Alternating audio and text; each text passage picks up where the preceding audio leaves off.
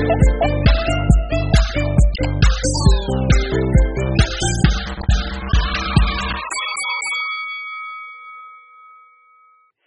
malam, saudara. Ketemu lagi dengan saya, Aimin, untuk menyaksikan news investigation tentang episode sejarah dari P Project yang sekarang memasuki babak bagian kedua. Saudara, saya akan tunjukkan bagaimana perjalanan karir dari P Project ini dengan yang pertama, video atau dokumentasi otentik dari perjalanan karir P Project.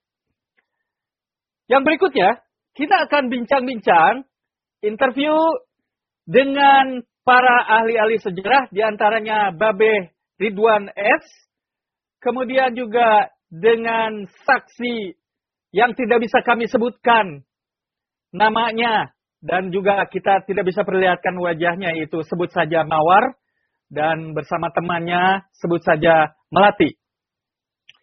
Ada satu tokoh kunci juga yang akan kami hadirkan pada malam hari ini, yaitu pesulap, mantan pesulap, yang menjadi pembawa acara yaitu Dedi Kok Bujal. Hmm. Dan terakhir akan kita tutup dengan pendapat dari ahli psikologi. Saudara jauh dari Kak Seto, yaitu Sidito. Kenapa namanya Sidito? Karena katanya kaset sudah tidak musim sekarang, kaset itu menjadi Sidito. Walaupun CD juga tidak musim sekarang. Baik saudara, akan saya tunjukkan sekarang video dokumentasi perjalanan sejarah P Pro C. Selamat menyaksikan. Berbicara tentang sejarah P Project, memang tak dapat dipisahkan dari perkembangan kelompok komedi musikal Bandung Padiangan. Karena P Project sebelumnya merupakan subgrup dari kelompok tersebut. Padiangan sendiri muncul di bumi pada tahun 1982, di mana digalang oleh sekelompok mahasiswa Universitas Pajajaran dan Universitas Parahyangan Bandung pada awalnya, kelompok ini hanya merupakan kelompok intern kampus, hingga kemudian berkembang seiring dengan berkembangnya para anggota. Tercatat di sana sebagai nama-nama yang kita kenal.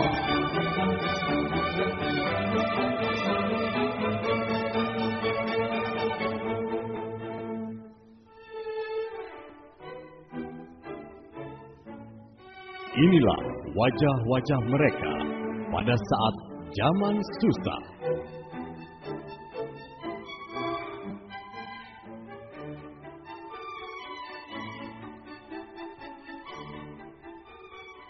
Dari berdirinya pada tahun 1982, banyak yang telah kami lakukan bersama Padiangan, dari mulai pentas-pentas kecil hingga pagelaran besar.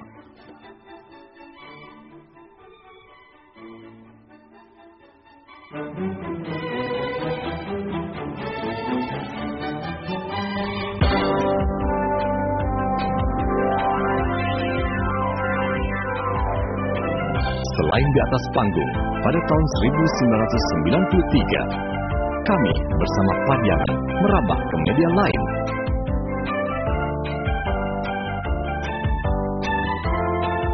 Seperti televisi,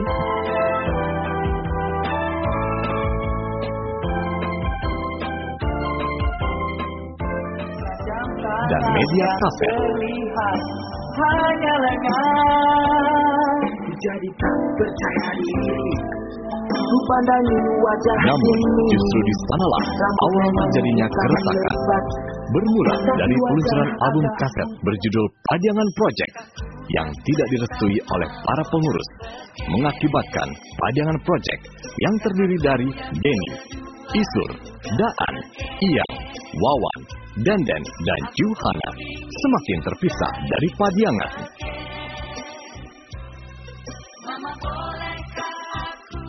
Pada bulan Desember 94, akhirnya berkumpullah kurang lebih 30 orang anggota Padiangan yang bertekad untuk melepaskan diri dari Padiangan dengan membentuk kelompok baru yang namanya diambil dari kelompok pembuat kaset rekaman yaitu K Project.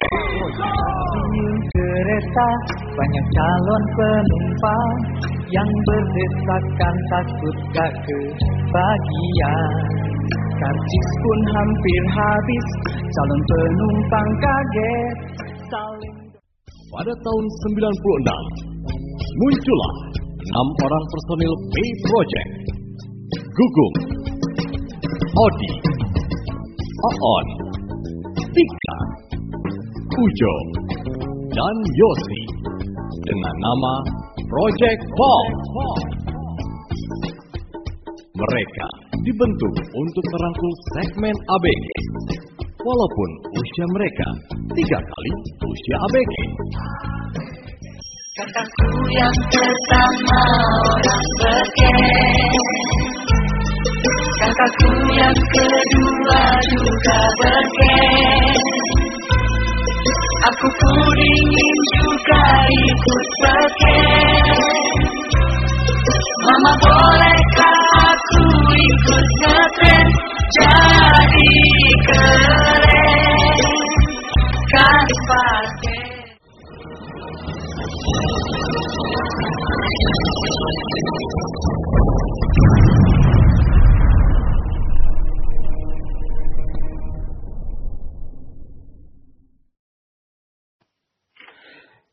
Sudah, sudah kita saksikan dokumentasinya tadi. Ada sekilas sedikit yang kita lihat bahwa di balik perubahan Padiangan, kemudian kita kenal jadi Project P, kemudian di jadi eh, P Project juga ada sesuatu peristiwa yang tentu saja kita penasaran apa yang terjadi pada waktu itu. Karena itu untuk mengetahuinya, kita akan bincang-bincang dengan sejarawan Babe Ridwan S. Kami persilahkan.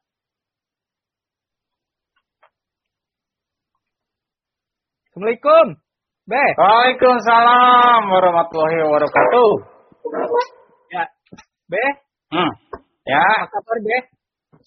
baik, baik, baik, baik. Iya. Eh, Be, kalau itu eh, masker apa muka Babe beneran? Ini tadinya masker, tapi lama-lama nempel. Oh, iya. Saking nggak dicopot-copot ya. Iya, dicopot-copot. Iya, iya. Baik, Be. Soalnya bingung, Hmm. Be. Di namanya Hmm. Robert, Robert Downey Doni SR. SR itu Hmm. senior. Sinang reret. Oh, iya, iya, iya, iya. Kirain Iya. senior, ya. Iya, Iya. kalau Sinar Weret berarti eh, ada saudara ya. senior.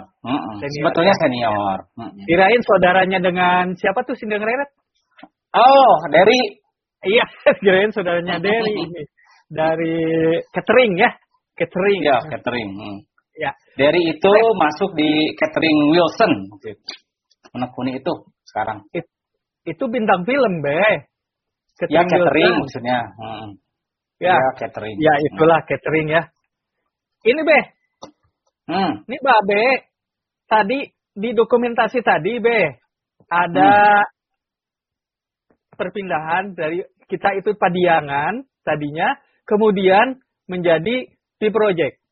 Be, tolong Ya, ceritakan dengan jujur, Be, dengan detail Hmm. bagaimana terjadinya transformasi perubahan. Kenapa sekarang namanya jadi P Project? Walaupun masih banyak orang eh, bisa manggil kita juga Padiangan, ketuker-tuker lah gitu. Ya. Silakan, Be. Jadi gini, sebetulnya sejarah komedian dari kampus itu eh, kita bahas dari situ dulu ya. Iya, iya, Ini iya. contohnya eh, di Unpad itu ada Kang Ibing, Kang Awop almarhum ya. Kang Rudi Ya. Jamil juga almarhum. Kemudian juga itu zaman 70-an. Kemudian juga di UI juga ada tuh. Di Ya. UI itu memang tahun 70-an tuh kampus sudah banyak yang bercanda tuh. Di UI itu ada PSP, ada Warkop. Terakhir itu ada. Irma Group. Ah, Pancasila Sinar Patromak, kemudian Rakep, dan ada Irma Group terakhir tuh. Hmm. Irma Group itu Effendi Ghazali lah, kurang lebih ya, salah satu Ikatan anggotanya. Remaja Memble Aje ya kalau nggak salah. Nah, itu, itu. I. Terus ITB itu ada Ludruk ITB dari Tambang ya. Ya. Terus di IKIP juga ada IKIP Bandung. Teten Mas Duki itu ada. Hmm. Tapi ngebodor juga. Enggak, dia ketua senat aja. Oh ketua iya senat iya iya. IKIP. Mm-mm. Iya. Iya. Nah, itu ya. Di Jadi, eh, nah, balik di Unpar dan Unpar itu tahun 80-an itu, 80-an awal memang adanya Padiangan. Iya nggak? Iya. Ada Padiangan tuh. Iya. Padiangan turun temurun turun temurun akhirnya di zaman eh, tahun 90-an awal itu kan ada ada anggota itu tuh anggota Padiangan yang kerja di Radio OS. Penyiar dia, jadi penyiar. Jangan salah, dia penyiar tuh. Ada Ya. tujuh orang tuh. Ya. Ada Isur Sumpena, ada Denny Mahpudin, ada Daan Mukidi, Yang Darojat, Wawan Rukmini, Denden Herman Ngantuk, dan Johanna Furniture. Nah itu Iya. awal dari situ. Awal Itu- dari situ. Beh, Hmm. itu nama-nama nama-nama asli mereka ya. Sekarang mah nama, beken ya. Sebetulnya nama asli mereka tuh di situ. Siapa aja Nah, Beh itu namanya. Isur Sumpena, Ya, Denny Mahpudin, ya, Daan Mukidi, ya. Iyang Darojat, Denden Herman Ngantuk, Wawan Rukmini sama Johanna Furniture. ya, ya, ya, ya. Nah itu. Mereka Kalau namanya itu- Oserba. Ju beda Hah? sendiri ya itu. Ju beda sendiri. Kenapa Ju Furniture, Johanna Furniture? Karena Ju itu sejarahnya nih, sejarahnya Ju itu kan tinggal di Samoja. Jalan Ya. Samoja dia, jangan salah, dia di Samoja tuh. Iya, iya, Beh. Nah, dia itu tinggal deket sama furniture-furniture yang ada di Jalan Malabar. Oh, iya, dia iya. megang di sana, dia megang. Dia Ya, megang. Iya, iya, iya. Dia megang daerah-daerah Samoja sama Malabar. Dia pernah kekunci itu di salah satu lemari, dia pernah kekunci itu. di dalam ya.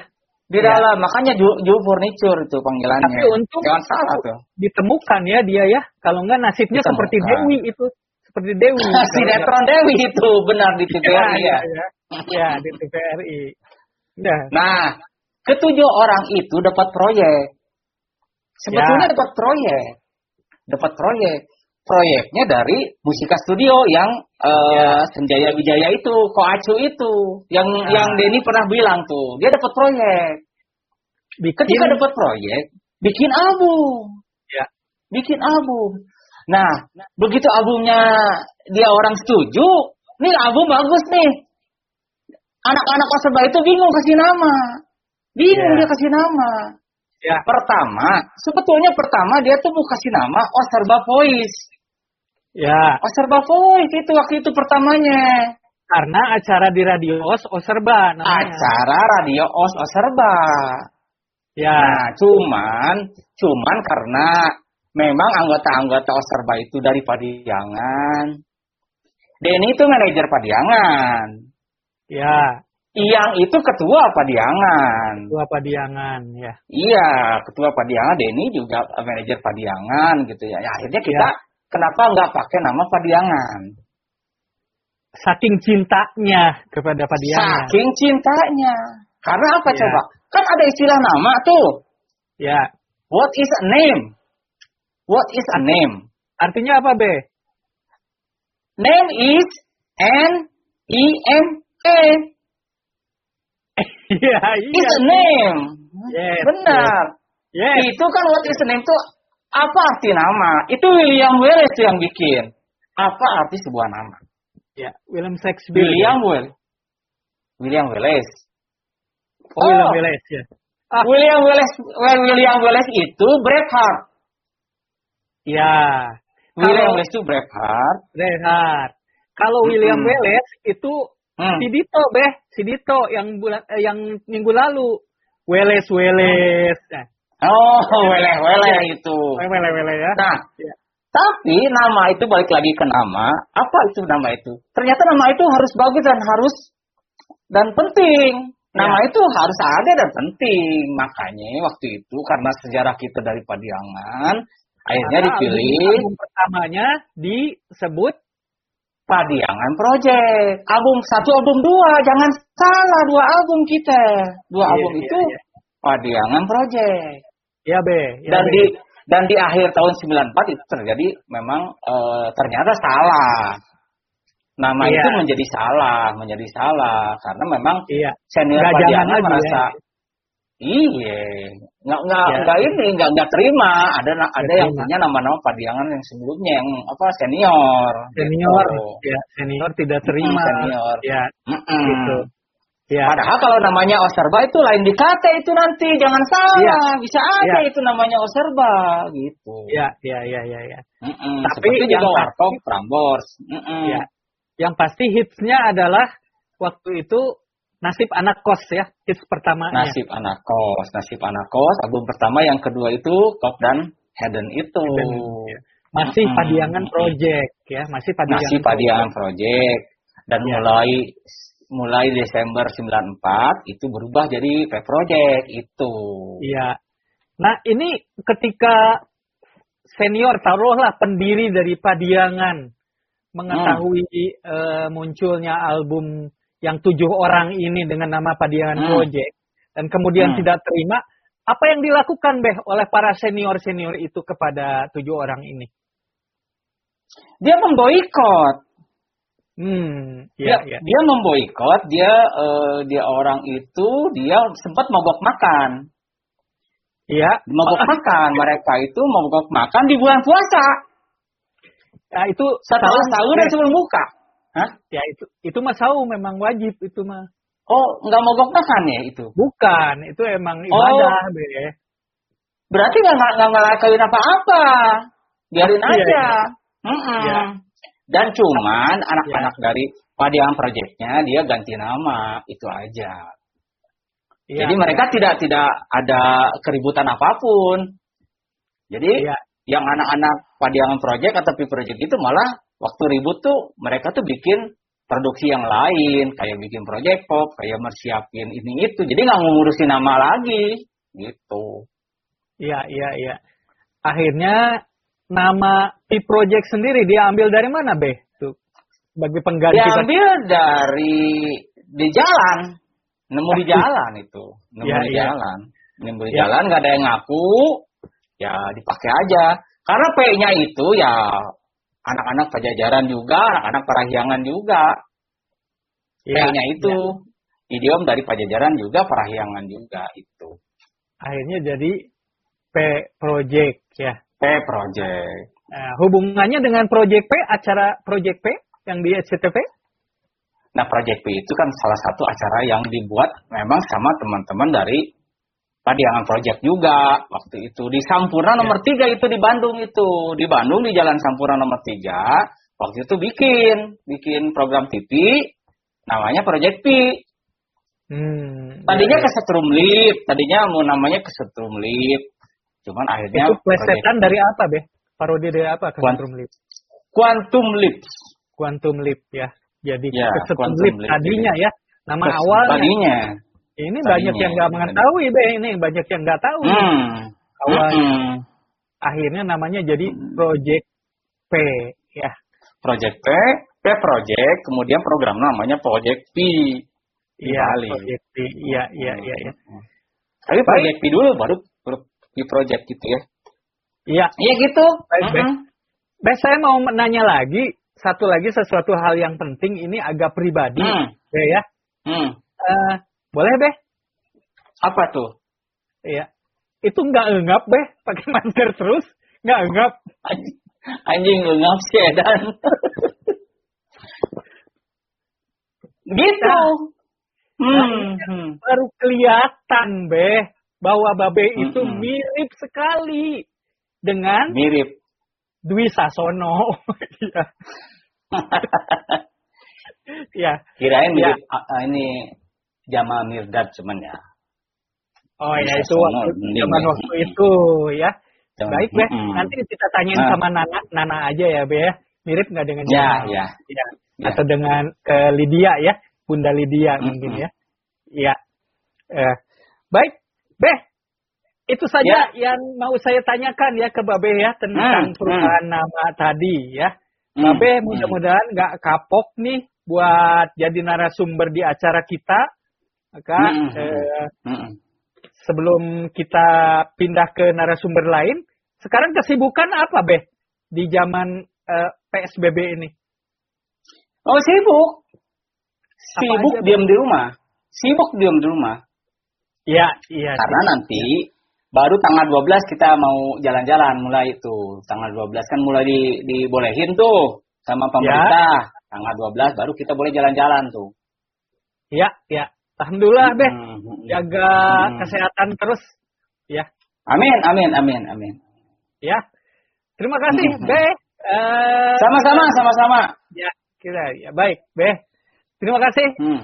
Eh, saudara, itulah tadi bincang-bincang kita dengan eh, Babeh Ridwan S tentang bagaimana eh, perubahan nama Padiang Project menjadi P Project ya. Rupanya bahwa nama Padiangan tidak boleh digunakan oleh eh, tujuh orang ini sehingga harus berganti nama menjadi P Project di album khususnya di album-album berikutnya yaitu album kedua eh, keti, maksudnya album ketiga dan seterusnya. Baik. Ini kalau ngomongin album, kalau ngomongin album ini tentu saja nggak lepas dari dunia rekaman. Karena itu dunia rekaman, di balik dunia rekaman ini juga banyak hal-hal yang tidak kita duga. Karena itu kita akan langsung bincang dengan eh, saksi yang kita tidak bisa sebutkan namanya dan kita perlihatkan, yaitu sebut saja Mawar. Kita akan bincang-bincang tentang dunia rekaman dan bagaimana terbentuknya adanya project pop.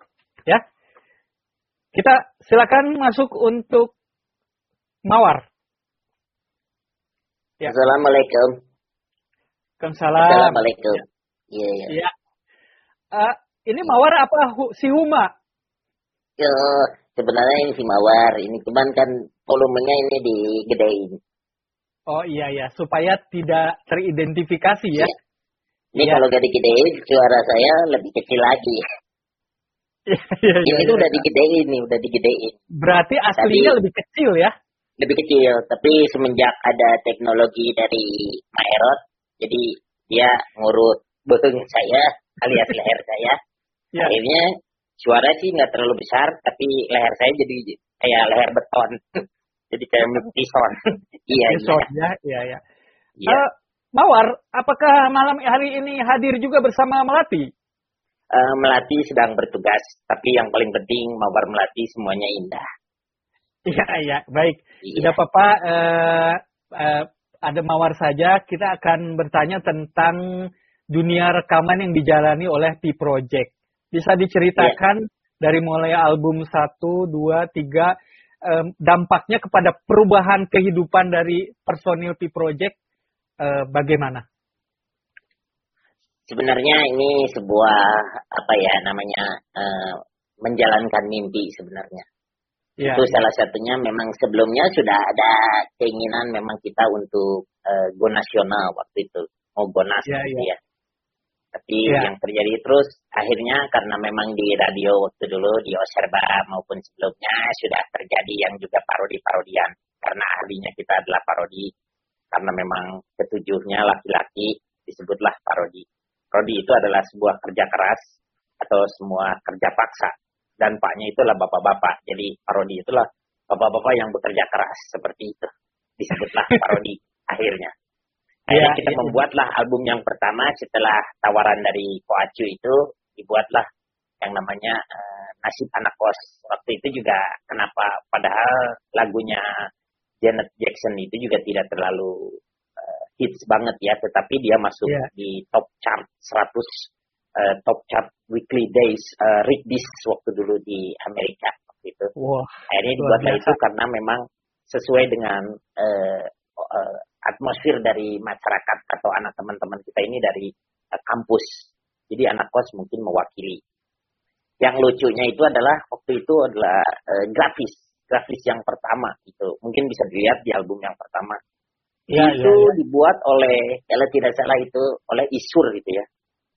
Itu Gambarnya saya ya? Gambarnya itu. Anjing goreng bisa di Siga. Waktu pertama lihat ya. Iya, saya pertama lihat anjir oh seni-seni nah bisa ya.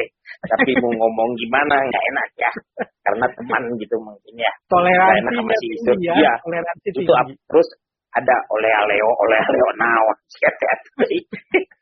gambar-gambar monyet gambar monyet begang sih ya kayak monyet yang nggak keurus gitu di situ ya terus ada beberapa coba dilihat lah menurut saya itu adalah karya terburuk yang pernah dilahirkan di sebuah seni sebenarnya anjing Ya. goreng sih Itu gambar Tapi- album pertama ya.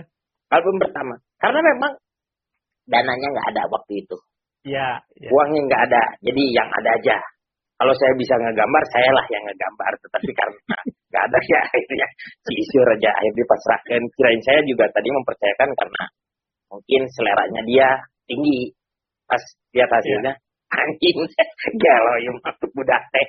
Dia kemikiran naon sih ya teh? Nyen grafis sih gak kira Aing. saya kecewa sebenarnya. Tapi daripada saya kecewa saya akhirnya kecewe. Karena kan kurang bagus lah kalau misalnya kecewa. Karena kecewa kan nggak ketahuan jenis kelaminnya seperti apa. Iya, iya. tapi Iya. alhamdulillah dari album pertama itu eh, meledak ternyata.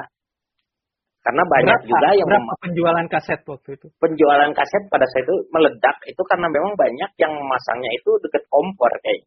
Jadi ngebeledung gue beledung jadi kayak begitu. Jadi kayak lodong Iya, iya. Anda tahu lodong? Lodong itu kalau dalam bahasa ini kalau bulan puasa disebutnya itu meriam bambu.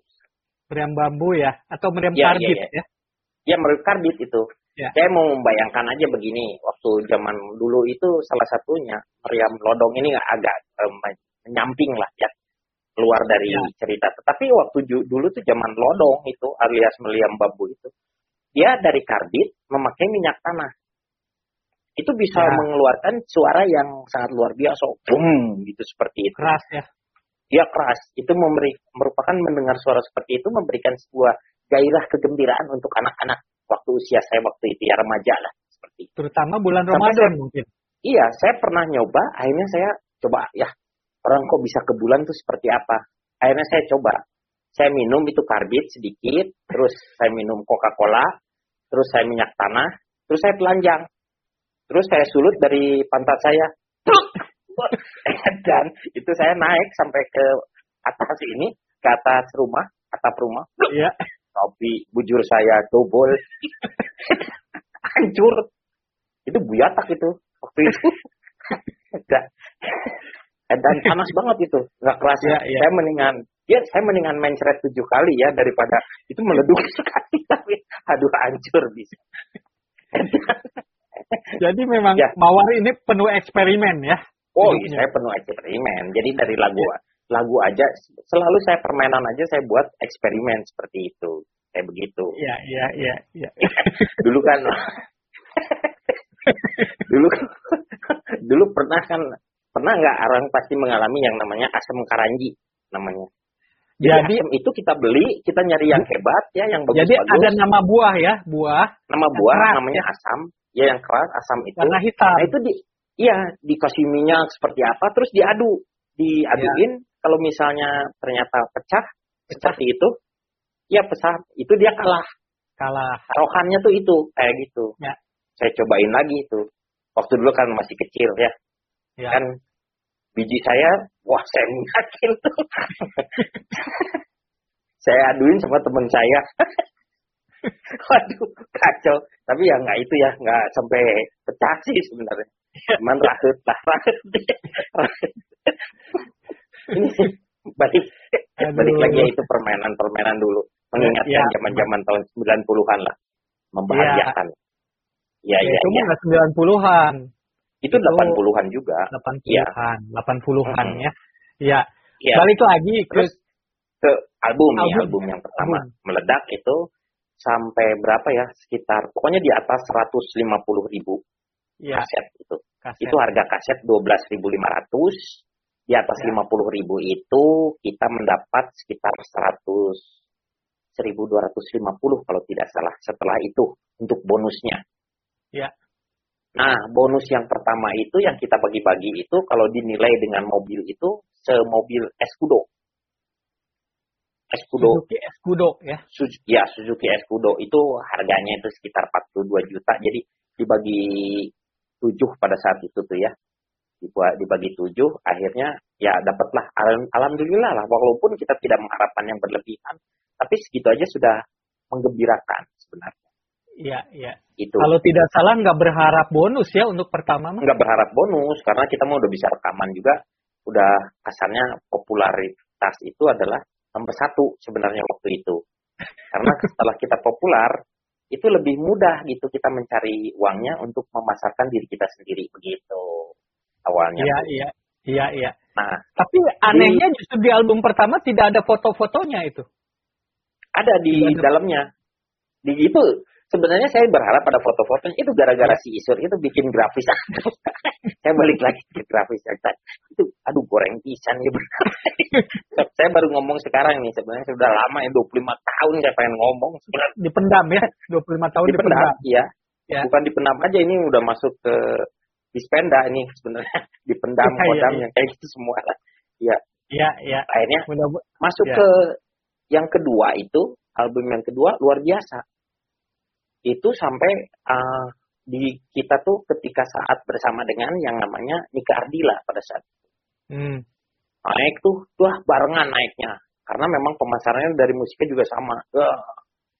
pada saat itu ternyata Nika mendapat kecelakaan Ya, beliau meninggal dunia itu kasetnya dia sampai jutaan Wah, langsung biasa. meroket ya, meroket. langsung meroket di 450 itu sampai dia kasetnya itu sampai satu juta lebih Ya, kasetnya itu.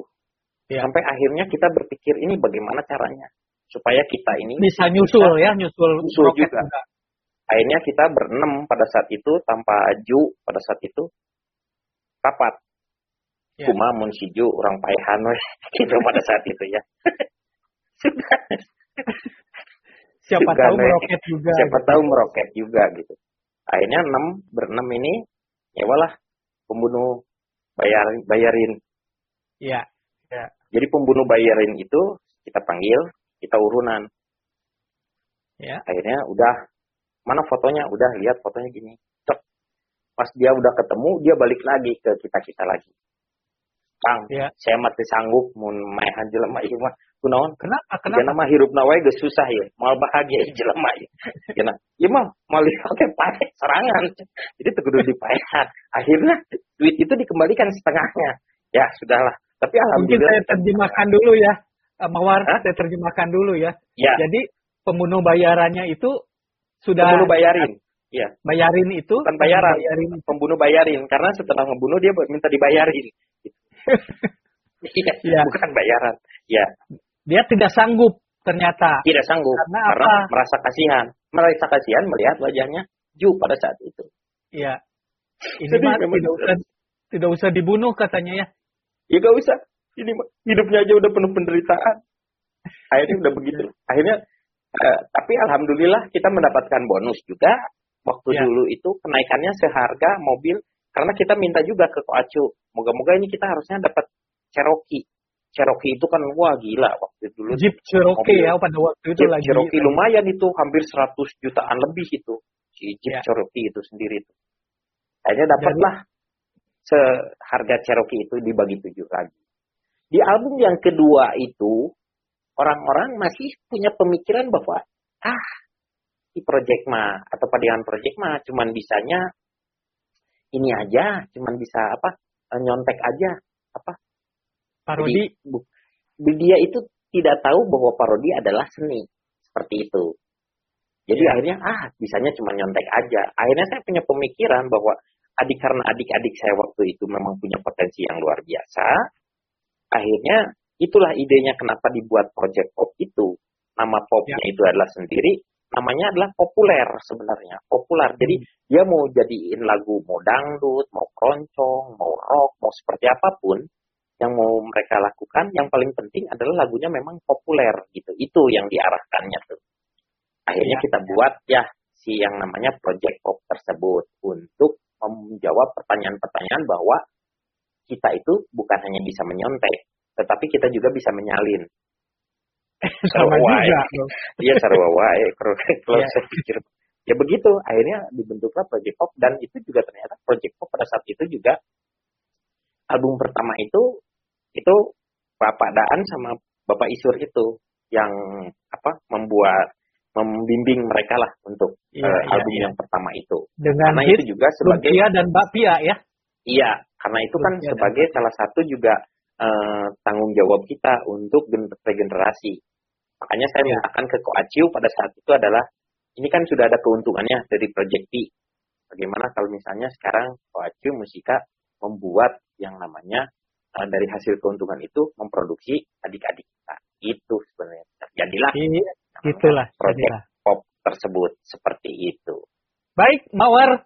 Ya. Terima kasih atas bincang-bincangnya. Tapi eh, Mawar, Ya. kita kan apa namanya di project itu seringnya memparodikan lagu Barat ya.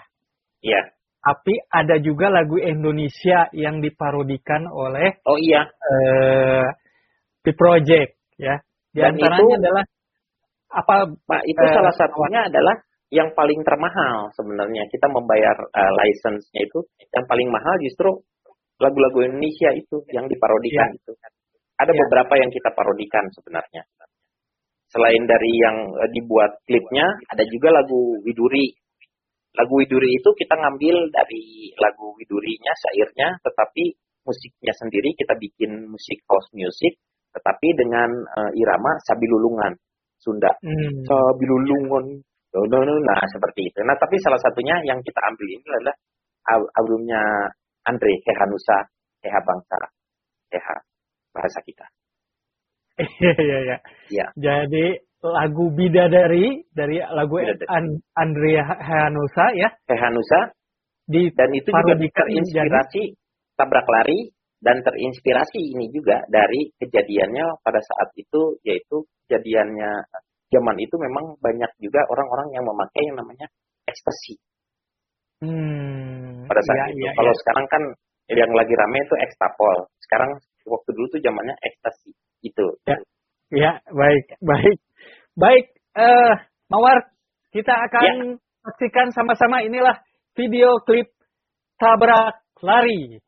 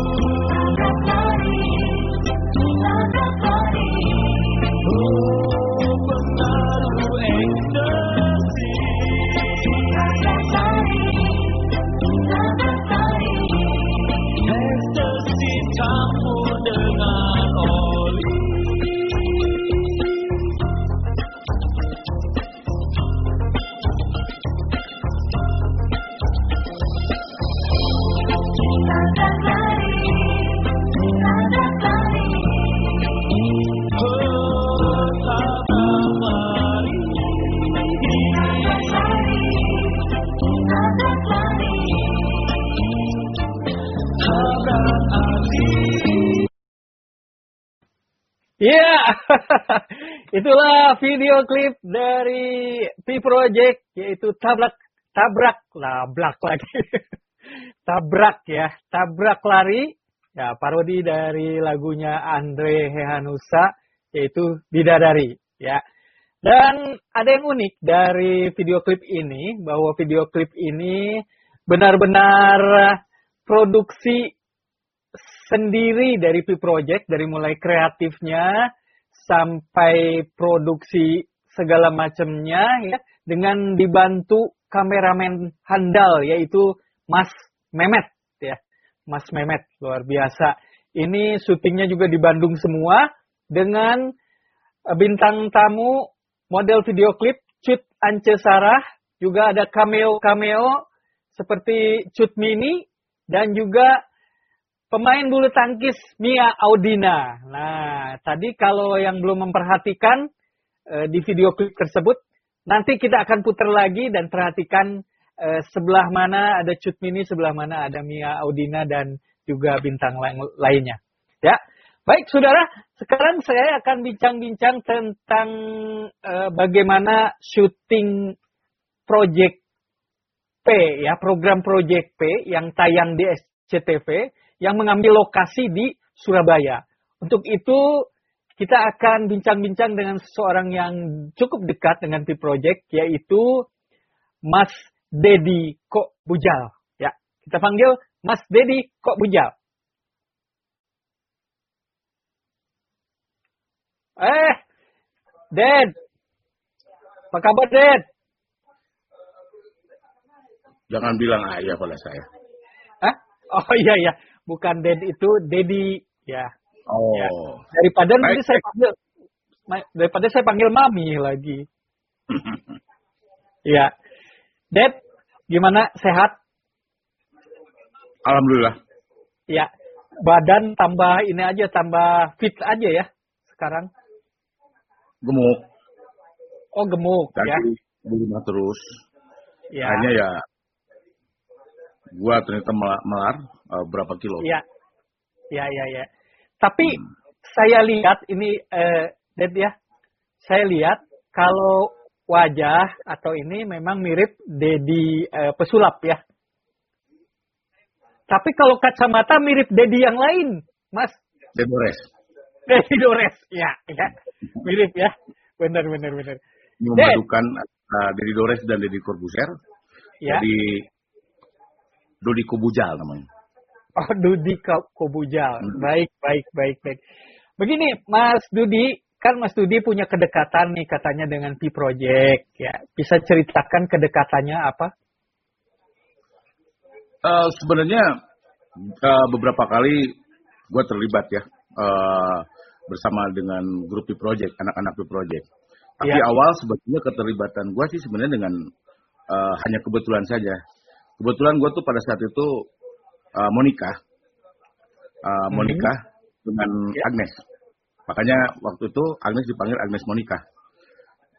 Oh, iya, iya, iya, iya, iya, iya. Nah, mereka dia, tapi gak jadi, gak jadi Ya. makanya dia dia panggilnya sekarang Agnes Mo, gak pakai nikahnya. Nggak pakai nikah, iya. Nah, Saya bisa Agnes. mengerti, bisa. Ya, nah, bisa. mau apa, mau apa nggak tahu. Pokoknya setelah gua nggak jadi sama dia kan. Nah, Ya, terus ya. dua hari itu gua nganter dia. Karena Ya. gua sebetulnya alasan aja, alasan eh, ketemu dengan anak Project P di sebetulnya bukan Surabaya, awalnya di Jakarta. Di Jakarta, ya. ketika Agnes pada saat itu terlibat syuting dengan anak-anak Project P di satu judul yang bernama Dinas Tipu. Hmm, di TV, Ya.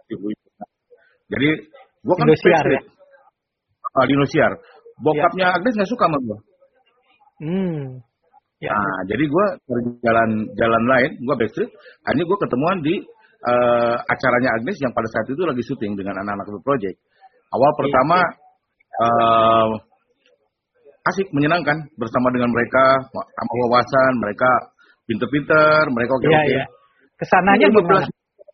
Iya, 15 menit setelah bulan pertama muak gue dengernya. Ngobrol aja ke mana-mana.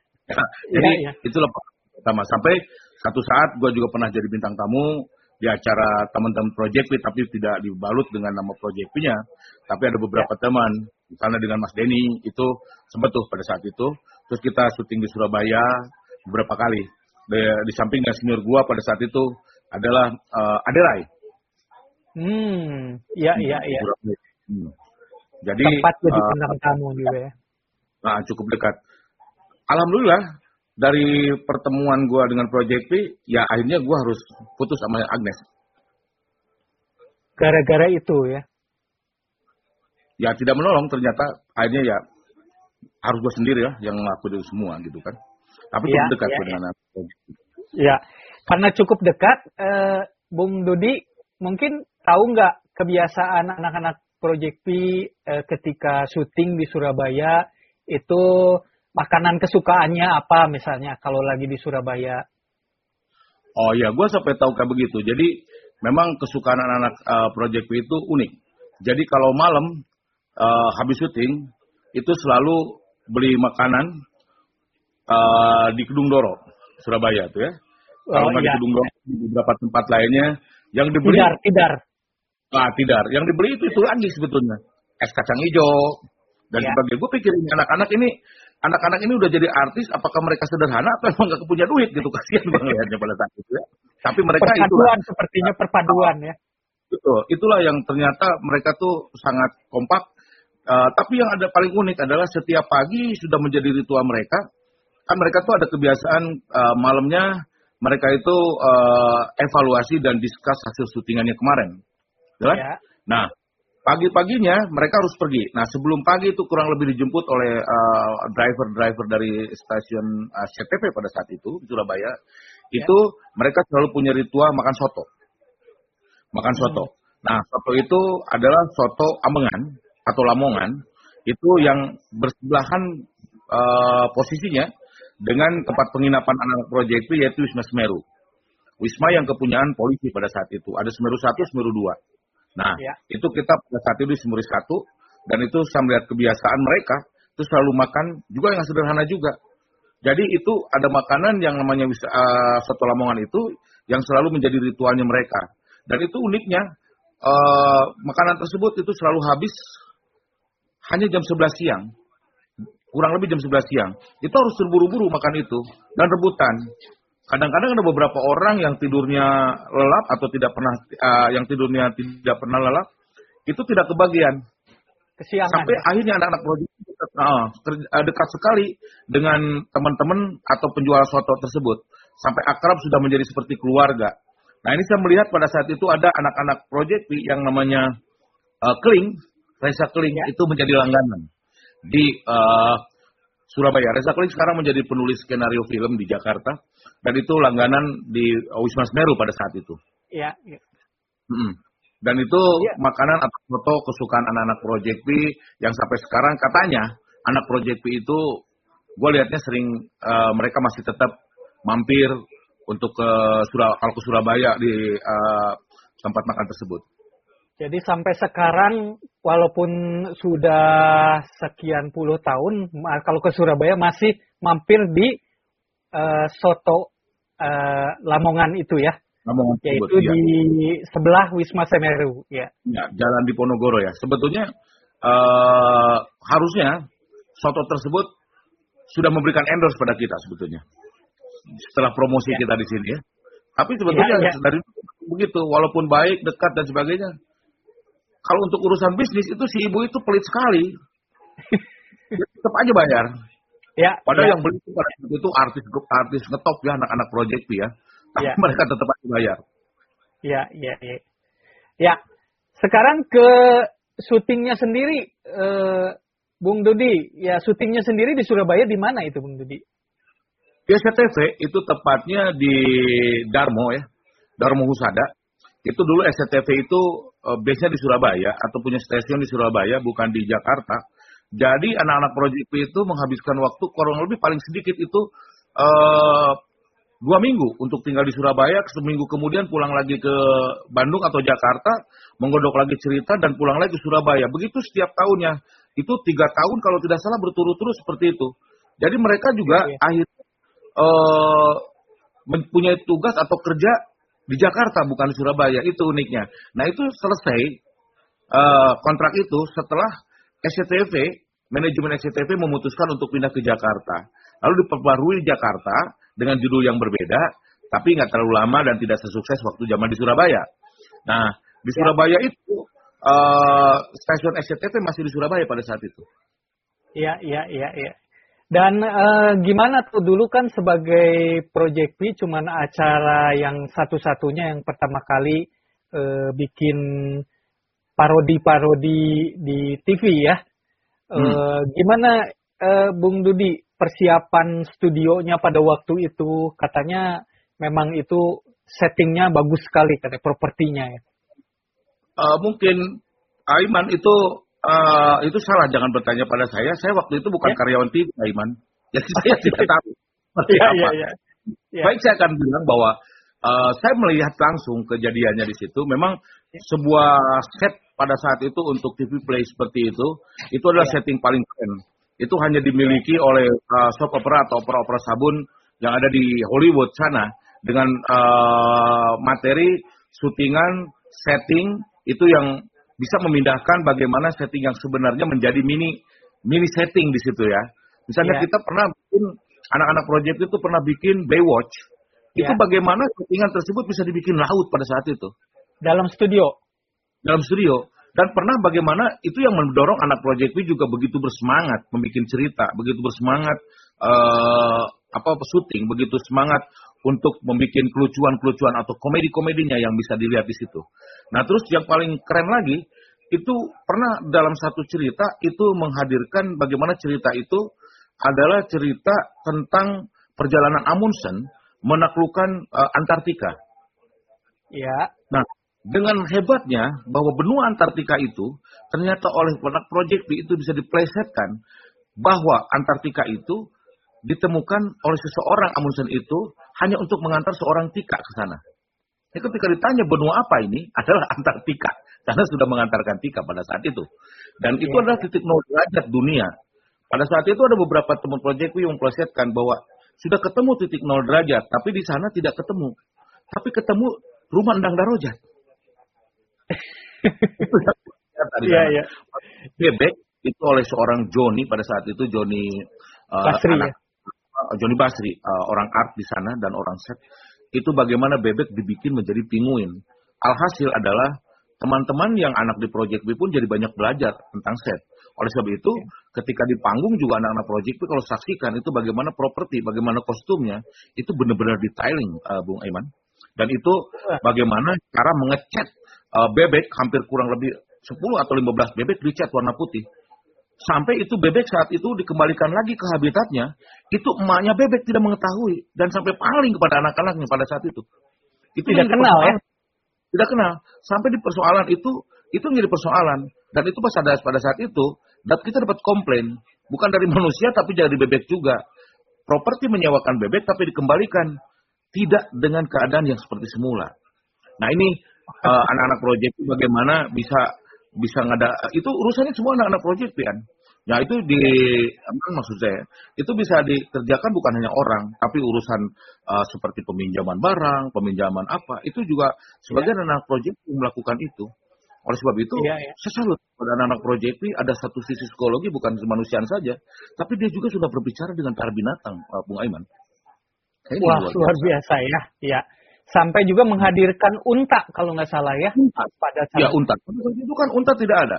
Hanya ada dua Ya. tempat. Satu di eh, Taman Safari. Ya. Nah, satu lagi yaitu di eh, Kebun Binatang Surabaya. eh, Ya. Apa namanya? Gembira Loka. ya. Gembira Loka. Nah itu akhirnya Kalau gembira loka itu di Jogja, Bang Dudi. udah pindah ya. Iya. ya, Surabaya. Eh, Kebun binatang Surabaya. Kalau gembira loka Su- Jogja. Itu unta di unta diambil dari Jogja. Enggak, dari Surabaya. Oh kalau begitu kalau begitu bukan Gembira Loka dong. Apa dong? Kebun binatangnya ya. Iya. Oh iya, Oh, yang di Jogja Gembira Loka, yang Surabaya Gembira Ria ya. Nah, ya gimana Bang Dudi aja lah. Iya. itu, itu diambil dari dari dari Surabaya itu Ya. unta bagaimana cara kalau unta itu ternyata teman-teman proyek juga tahu ternyata merawat unta itu kan juga harus dijaga juga panasnya dan Ya. ini bayangkan dalam studio ber AC itu unta Nah. kedinginan Iya. bagaimana saat itu unta butuh cover seperti cover mobil Iya, unta iya, diselimut Nah, Iya, jangankan- iya, iya. ya unta tuh minta selimut juga pada saat itu nah itu Ya. anak-anak properti dari proyek itulah yang membuat itu Baik. Makasih sekali nih Bang Dudi bisa bincang-bincang tentang Project P. Nanti kita akan bincang-bincang dengan topik yang lain ya. Bang Dudi kok bujal ya. Ini kok bujal ya. Baik. Terima kasih eh, Bang Dudi. Sukses terus ya Bang Dudi. Mudah-mudahan eh, selalu sehat terus ya. Baik, saudara. Sekarang kita akan bincang-bincang dengan tentunya ahli psikologi yaitu Sidito. Ya, Sidito yang eh, sengaja malam hari ini untuk membahas tema bagaimana temanya adalah tentang eh, ketika periode Project P sudah eh, banyak syuting di Indosiar ya di Indosiar ber- eh, banyak program-program yang juga dibuat di Indosiar. Kita tampilkan Sidito. Ya, kami persilakan. Ah, Assalamualaikum. Wele wele. Aduh. Apa kabar Mas Aiman? Iya. Oh, sudah ganti ya. Alhamdulillah Aiman sekarang Aimin. Karena Iya, kan iya. kalau dulu Aimin gitu ya. Iya, iya, iya, iya. Ya, ya, Sekarang ya. poninya lebih bagus ya, Sidito. Nah, walaupun memang wele-wele ya, sekarang kan sedang musimnya COVID, tidak bisa yang namanya potong rambut. Jadi Sidito sekarang juga mencoba untuk memotong rambut sendiri dan alhamdulillah kemarin juga sudah dipotong dan eh, mendapatkan pizza ya pizza. Eh, pizza itu artinya pizza? Eh, Ya, pita kabelah itu ya. Di sini ada pizza ya. Pizza. Iya, iya, iya. Lele. Iya, Iya. Bagaimana Mas Aimin? Ya. Ya, ini seperti diketahui bahwa Project P eh, setelah periode SCTV itu banyak syuting di Indosiar. Ah, iya, Di betul. Indosiar ya. Hmm. Eh, apa saja mungkin eh, si Dito mengetahuinya? Oh iya tentunya karena mereka sekarang sudah tampil di TV tahun eh, 94 ya. Nama tahun 94 mereka tampil di TV dan di SCT ya di Indosiar. SCTV semula ya kemudian eh, pindah ke Indosiar. Nah kebetulan Indosiar itu ya sebetulnya bukan bukan untuk anak-anak sebetulnya. Iya karena Indosiar itu untuk Anda. Iya. Iya, iya, iya. Karena tapi untuk Anda weleh-weleh begitu ya. Tetapi dengan kehadiran eh, Pay Project di situ menambah wawasan karena di satu itu pun di Indonesia banyak sekali acara-acara untuk anak-anak seperti misalnya eh, ada yang namanya tokoh superhero tuh siapa Saras. Ah, Saras juga ada di sana di Oh, Indonesia. ya. Saras 008. ya. Iya, 008. Karena saya cobain eh, telepon, eh ternyata 108 itu adalah penerangan, 008 adalah saras, wele-wele, begitu ya. Kemudian dengan hadirnya Project B itu ternyata memberikan satu warna baru, ada satu kreativitas yang lebih. Karena memang kita lihat B Project itu memang diarahkan kepada anak-anak. Nah, kita bisa lihat dari logonya adalah gambar apa? Gambar Monyet. apa? Monyet. Iya, tapi jangan ngomongnya memandang wajah saya. Saya kaseto. Jangan ngomong Iya, iya. monyet sama saya, wele-wele. ya, memang lambangnya monyet. Itu karena monyet disukai anak-anak. Ya, Iya. coba kalau misalnya ditujukan oleh eh, ditujukan kepada orang-orang dewasa, tentunya logonya misalnya bisa ganti dengan Nikita Mirzani misalnya. Ya itu untuk orang tua ya. Iya betul. Wele-wele kan. Nah, Ya. jadi untuk anak-anak itu menimbulkan satu apa? Satu kreativitas kreativitas, kreativitas baru.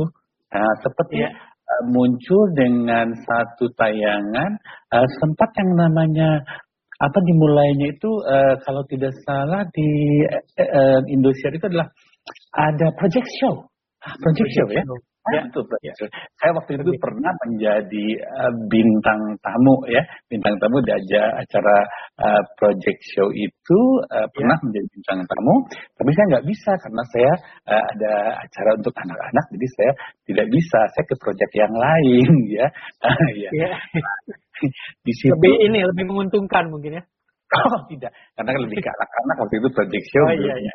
Ya, karena saat itu tahu. Nah, ternyata project show itu adalah satu bentuk satu apa ya, satu talk show yang berbeda dari yang sudah ada pada saat itu ya. Jadi banyak akhirnya banyak ditiru oleh juga eh, apa acara-acara lain talk show talk show sekarang. Itu zaman dulu belum ada wala-wala. Ya, ya, ya, ya, ya. Tapi Iya. semangat. Eh, Sampai si Iya. Komo senang nontonnya. Komo kalau Komo nonton proyek apa proyek itu sama gitu. Lidahnya keluar begitu. Ya. Iya. Nah, Jadi Kemudian- acara pertama eh di project itu di Indosiar adalah project show ya. project show. Kemudian ada acara lagi yang namanya eh, mengangkat nama dari sebuah perusahaan bank ya. betul betul. Saya sebut saya tidak akan sebutkan banknya ya. Gebiar depannya B, belakangnya A gitu ya. Ah, Eh, iya. ya. Hanya ya kalau nggak salah. Aduh, Wele-wele. Wele-wele. Iya. kan saya nyebutin awalnya aja sama akhirnya. Ini Iya. tengahnya sama sedikit.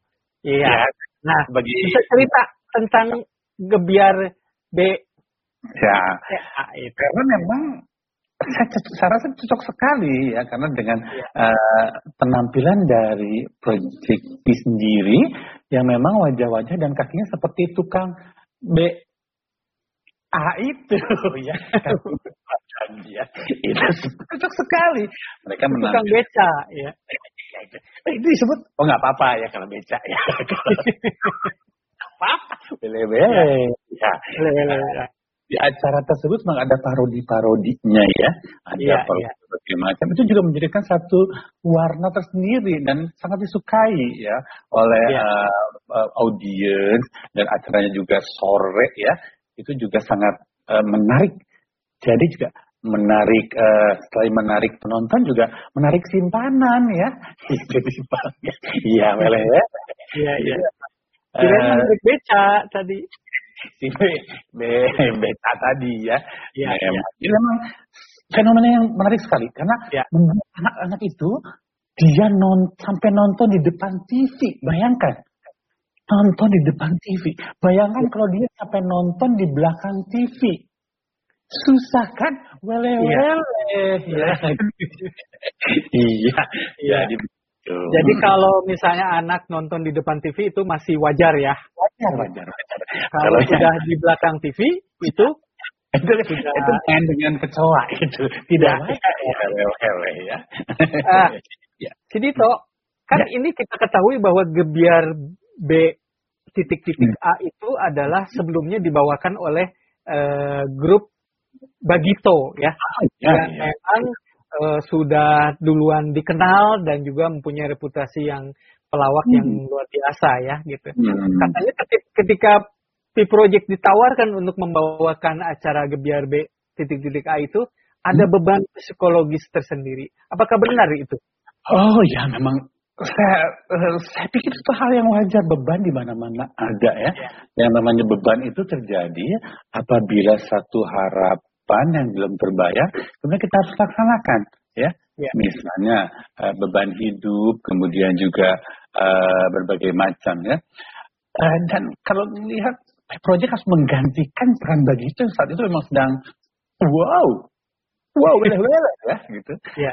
memang ada satu keraguan apakah mampu atau tidak karena eh, tetapi kemudian kita akali dengan satu sistem atau proyek akali dengan sistem yang lain tidak dengan ya mirip karena bagi itu tuh sangat verbal ya yang namanya itu yang eh, komedinya itu sangat verbal eh, kemudian hanya bertiga dan mereka eh, lebih saling memancing ya kalau Ya. proyek yang lain memancingnya memancing kerus- kerusuhan kadang-kadang ya Iya, ya dan juga eh, dengan bentuk parodi-parodi itu sendiri lain. Jadi ya mungkin bisa diatasi dengan cara itu. Jadi tidak heran apabila dalam tampilannya itu penuh dengan apa ya? Dengan satu gimmick-gimmick, kemudian juga misalnya eh, satu parodi-parodi yang berbeda dengan yang ditampilkan oleh eh, Bag- Bagico ya. Ba- ba- ba- ba- Bagi Begitu. bagi ah, begitu ya.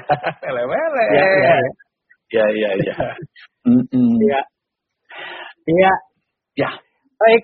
Eh, tadi sudah kita lihat bahwa eh ada berapa, berapa lama itu di Gebir B titik-titik A itu di project.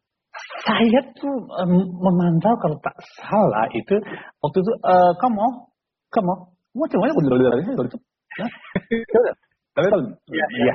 Eh, ngobrol- kamu yang sering nonton kebetulan. Oh, Eh, kamu lebih mengetahui ya. tahu ya, gitu. Itu bahasa apa itu? Ah, iya, bah- bahasa komodo. Kamu kok modo? Iya, iya, iya. kok Iya. modo sih kamu gitu. Buang air gitu Tahu. ya, Iya. kamu ah, gitu wele-wele gitu ya. Nah, jadi saya itu mulai dari tahun kalau tak salah itu 2001 ya 2001 karena saya lihat sendiri di 2002 itu masih ada promosinya tentang eh, Gebiar BCA dengan P Project. Nah, kemudian kalau Nah. sampai 2003 apa 2000 2003 2004 karena waktu itu eh, ya jadi eh, cukup lama lah ya cukup cukup panjang Cukup lama ya. Mm, Nah, apakah benar ketika Bentar, ada satu hal yang memang unik ya di, di Ya. tahun-tahun tersebut itu yang nama di, di acara tersebut ada undian segala macam ya penarikan hadiah untuk Iya. penabung ya? Untuk Penabung. anak-anak Project P penabung juga nggak pernah menang itu memang nasibnya begitu sedih ya Iya, iya. Eh ya beleh-beleh deh nasibnya Iya. Jadi suka dukanya ketika mengambil hadiah Mercy untuk pemenang, ya. kita cuman ngiler aja ya. Ya, Sering ambil undian tapi belum pernah menang. bagian di eh, eh, mendapatkan bagian dari yang punya Mercy diantar pulang ya ke kosan. Iya. Ya lele ke parkiran diantarnya. Iya, iya, iya. Iya, baik. Dan cukup lama itu di Indosiar sampai eh, juga mengisi acara eh, tahun baru milenial kalau nggak salah Iya. ya. Betul betul. Di mana itu? Di kalau di Bali ya. Eh di itu bukan Bali, di betul, betul. Di di GWK, GWK. ya kalau atau ada yang ada yang di Bandung juga ada kalau tidak salah itu pokoknya sempat saya lihat eh, di TV waktu itu saya nonton di TV security waktu itu ya Iya. Ya mungkin terlihat di TV security ternyata ada yang apa anak pop project ngambil makanan banyak ya di sembarangan Iya, iya. Hmm. Di The Hmm. View Dago ya tahun 2002 ya. Ya, Baik, ya. baik. Eh, Oke. gatel. Sebentar. Eh, Wele-wele gatel. ya. Baik, Si Dito, terima kasih eh, sudah mau bincang-bincang dengan kita juga men- seputar dengan eh, sejarah Pi Project. Sekarang untuk lebih meriahnya kita panggil Nanti ketemu lagi ya. Maaf, maaf, nanti ketemu lagi. Eh, terima kasih. Saya juga sekarang mau tiktokan dulu ya. Kebetulan tiktokan dulu. Kita panggilkan semua personil Pi Project yang hadir pada malam hari ini. Ya, ini Ya. adalah ada eh, Kang Ju, Kang Denny juga, Boleh, Kang. Ian, Kang Ian, ya, Nah, ya, mukanya tua-tua semua ya, boleh-boleh. ya. Baik. Itu Dari teman-teman. kasih itu dulu tuh. Kebun Komen binatang dulu. Surabaya itu namanya Wonokromo, Wonokromo. Ah, itu Wonokromo. Bonpin. Bonpin. Bonpin. Wonokromo Ju, Bonbin. namanya. Bukan. Iya, namanya Wonokromo. Terus, Terus Gebiar BCA As- itu Aseto dari itu tahun berapa? kembar tuh. Eh, Katanya nggak disebut. dari Eh, sembilan gebiar ya gebiar BC moga-moga nanti acara kita di uh, disponsori oleh gebiar BJB ya jadi moga-moga jadi jadi ini gebiar BJB-nya nanti Amin. jadi penarikan iya sama penarikan Pak Ate Indianya bule ya. di sini Pate. Hmm. ini Bu, saya kasih sejarah sedikit nih sebenarnya Ya. Ini Kaseto tuh sebenarnya dia tergabung dengan jadi banyak sekali orang teman-teman yang dilahirkan kembar makanya ada persatuannya tuh Nakula Sadewa yang kayak gitu Ya, tuh orang-orang kembar bersama. Kebetulan. Nah, terus Kaseto itu kembar sama Kaseno. Ya. Betul. Nah, kalau Ya. Kaseto ke anak-anak, kalau eh, Kaseno itu lebih cenderung ke masalah orang-orang yang terkena narkoba. Makanya namanya Kaseno to drug. Kaseno to drug. Nah, itu itu yang jadi masalah. Ya. Ini sekedar pengetahuan aja, sekedar Ya. pengetahuan. Dan jadi jangan Ya, salah ya. Bahwa ternyata kembar itu tidak tidak harus dua atau tidak eh, tiga gitu loh. Ya ternyata kembar Gimana? Kembar kan harusnya dua dong. kembar satu tuh Ya. ada ternyata. Di Bandung Lah, ada jalan kembar satu. Oh, Kembar jalan dua. kembar satu gitu ya. Iya, itu Ya, memang. ya. Luar biasa. itu kan orang Sun- orang Bandung tuh terlalu kreatif. Makanya ada Iya. perapatan lima. Dulu tuh perapatan lima, sekarang udah diganti. Ada jadi persimpangan lima. Dulu tuh perapatan lima namanya tuh. Jadi perapatan tuh perempatan. Jadi pasti opat, ya mah lima. Gitu. Nah, itulah Bandung tuh kreatifnya itu seperti itu. Iya. Itu salah Keren, satunya. ternyata. Hebat. Ada kembar, kembar raya. Kayak kembar satu, kembar satu malah lain kembar. Normal. Akhirnya normal. Iya betul makanya. Iya, iya. Eh, baik. Eh, tadi ngobrol-ngobrol kita nonton video klip tabrak lari ya. Mungkin ada yang mau diceritain nggak tentang video klip tabrak lari yang kebetulan syutingnya juga di Bandung ini. Di Bandung. Ya kan? itu kita pakai mobilnya Kiki itu Kiki Badag tuh itu mobilnya dia tuh Kiki yang Menko. waktu dipakai Ah, Kiki Menfo Ini- tuh yang dipakainya Iya, di iya, nuhun iya. pisan dah ke Kiki tah ya terus juga itu memang produksi kita sendiri. Terus memang eh, dengan apa namanya kepiawaian seorang Memet kameramen yang sudah terlatih. Tetapi beliau juga yang eh, turut menyutradai lah untuk beberapa hal. Tapi banyak ide-ide yang kita buat di situ juga eh, sebenarnya terinspirasinya sama film Top Secret itu. Selalu banyak juga di situ. Kalau kita lihat berbagai tapi secara keseluruhan itu adalah dari Antonio Banderas itu itu judulnya tuh namanya Desperado ya kalau nggak salah ya. Desperado ya. Dari film Desperado. Desperado. Desperado. Iya, Hmm. iya. Terus tadi yang ceritain sama Ju tuh benar tuh. Itu unta itu harus kita bayar bukan asuransinya aja untuk unta itu bisa keluar dari Wonokromo itu lumayan mahal pada saat itu dan diangkut sama eh, truk ya karena memang naikin Nggak itu bisa. susah sekali. Dia jalan. Hah? Nggak- jalan nggak bisa, kaki dia dia, jalan. Jalan kaki dia Oh, jadi dua hari dua hari sebelumnya dia udah jalan jadi ke studio itu unta itu ya. Itu Dua tadinya unta itu mau di eh, anterin sama Harry sebenarnya. Cuman Harry unta. Waktu itu ada yang mencoba waktu itu karena ter- terjadi dengan cerita ya ini onta dikasih remason. Nah, tak, tak tahu itu siapa yang sudah ada. Itu iya. Enggak karena kan unta tuh waktu itu jalannya agak lambat. Ini Ya. gimana nih unta? Sementara kita harus sudah syuting. Ya. Akhirnya waktu dulu itu kalau nggak salah ya si biji unta itu dikasih remason. Lumayan unta itu bukannya lari anteprok. Malah dia langsung Pokoknya Iya, iya. Kalau bintang tamu bintang tamunya siapa aja yang itu ada yang Eh. paling istimewa sebenarnya itu ya siapa? Mia Udina. Mia Udina. ya Mia Odina. Nah, ada Cut Mini, Ya, Cut Ance, ya. dan ada Teddy. Siapa tadi? Siapa tadi? Jadi Dracula sih Teddy bebek. Iya. Apa-apa, dia kan beken. Anak-anak project pop ya. Project pop di situ Ya, ya kelihatan itu ada teman-teman kita, project pop. Yosi, Gugum segala macam gitu ya. Ya. itu Ketika- album ke berapa ya gitu kita? Album ketiga ya itu ya, Tabraklar itu ya. Ya. Album album Ya. kedua. Ya. Eh, Dan satu lagi Album sebenarnya ada ada ada. Brotherhood. Ada ada Iya. ada teman-teman Brotherhood yang jadi ini mau di motor ngedukung lah kita ya itu. Iya. mendukung uh, VW Club sama Brotherhood. Iya, baik. Ya.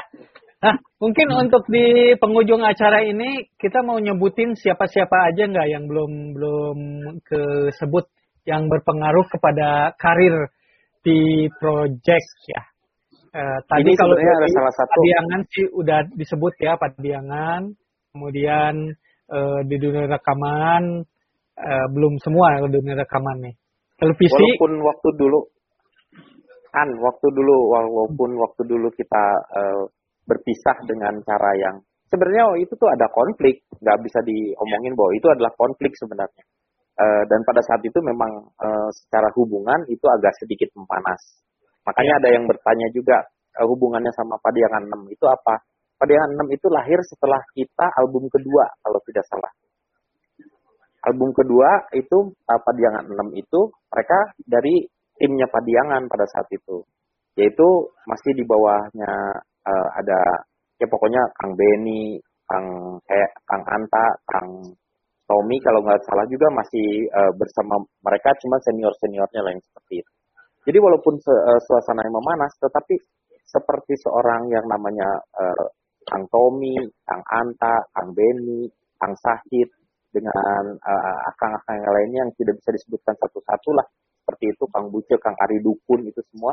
Mereka itu adalah orang-orang yang membuat kita menjadi besar seperti ini adalah karena mereka juga di luar itu sebenarnya karena apa? Secara keilmuan mereka telah memberikan satu warisan pada kita untuk paling tidak berorganisasi terus cara kita eh, apa bagaimana di Panggung, awalnya mereka lah yang ngajarinnya. Dan mereka memang sampai sekarang pun tidak pernah berubah tetap menjadi guru-guru kita seperti itu dan alhamdulillah sekarang hubungannya kita dengan mereka jauh lebih maksudnya sekarang sih udah melupakan masalah-masalah 25 tahun yang lalu lah seperti itu. Iya, iya. Iya, luar biasa. Luar biasa ya. Kalau di Surabaya ada siapa aja nih? Eh, Ju, masih inget nggak Ju? Produsernya Dulu- apa? Sutradaranya siapa? Ada Pak Suito ya, kalau nggak salah ya. Itu Pak- setelahnya Oh, uh, sebelumnya sebelumnya Yang ada ya almarhum Bagus, ya, Matukan.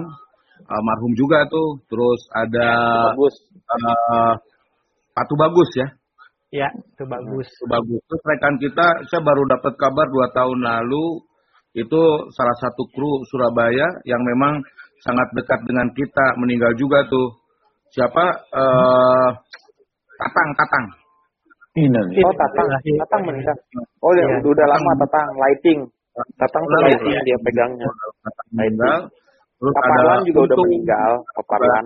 menjadi salah satu produser di salah satu program eh apa di SCTV Mas Iya. Untung banyak sekali terus ya tentunya Mas Joni Basri ya. Sofian Osing, Sofian Osing. Ya, Sofian. Sofian, Sofian oh, Osing. itu ke mana aja Ya. Udah lama ketemu Gitu ya. Eta mah si Miki, eta mah si Miki. Ada kakak kan sama Sofian Sofian Andin Mm, Ya. Paparlan. Paparlan ada ya. Paparlan waktu itu. Yang Paparlan, paling yang paling ngajarin Oh, kita paling jalan itu lah. dan influencer juga kuat ke seorang rekan kita yaitu Aep nah, Hmm. sampai sekarang Aep masih makan sendiri seperti papasan Ya, ya, ya.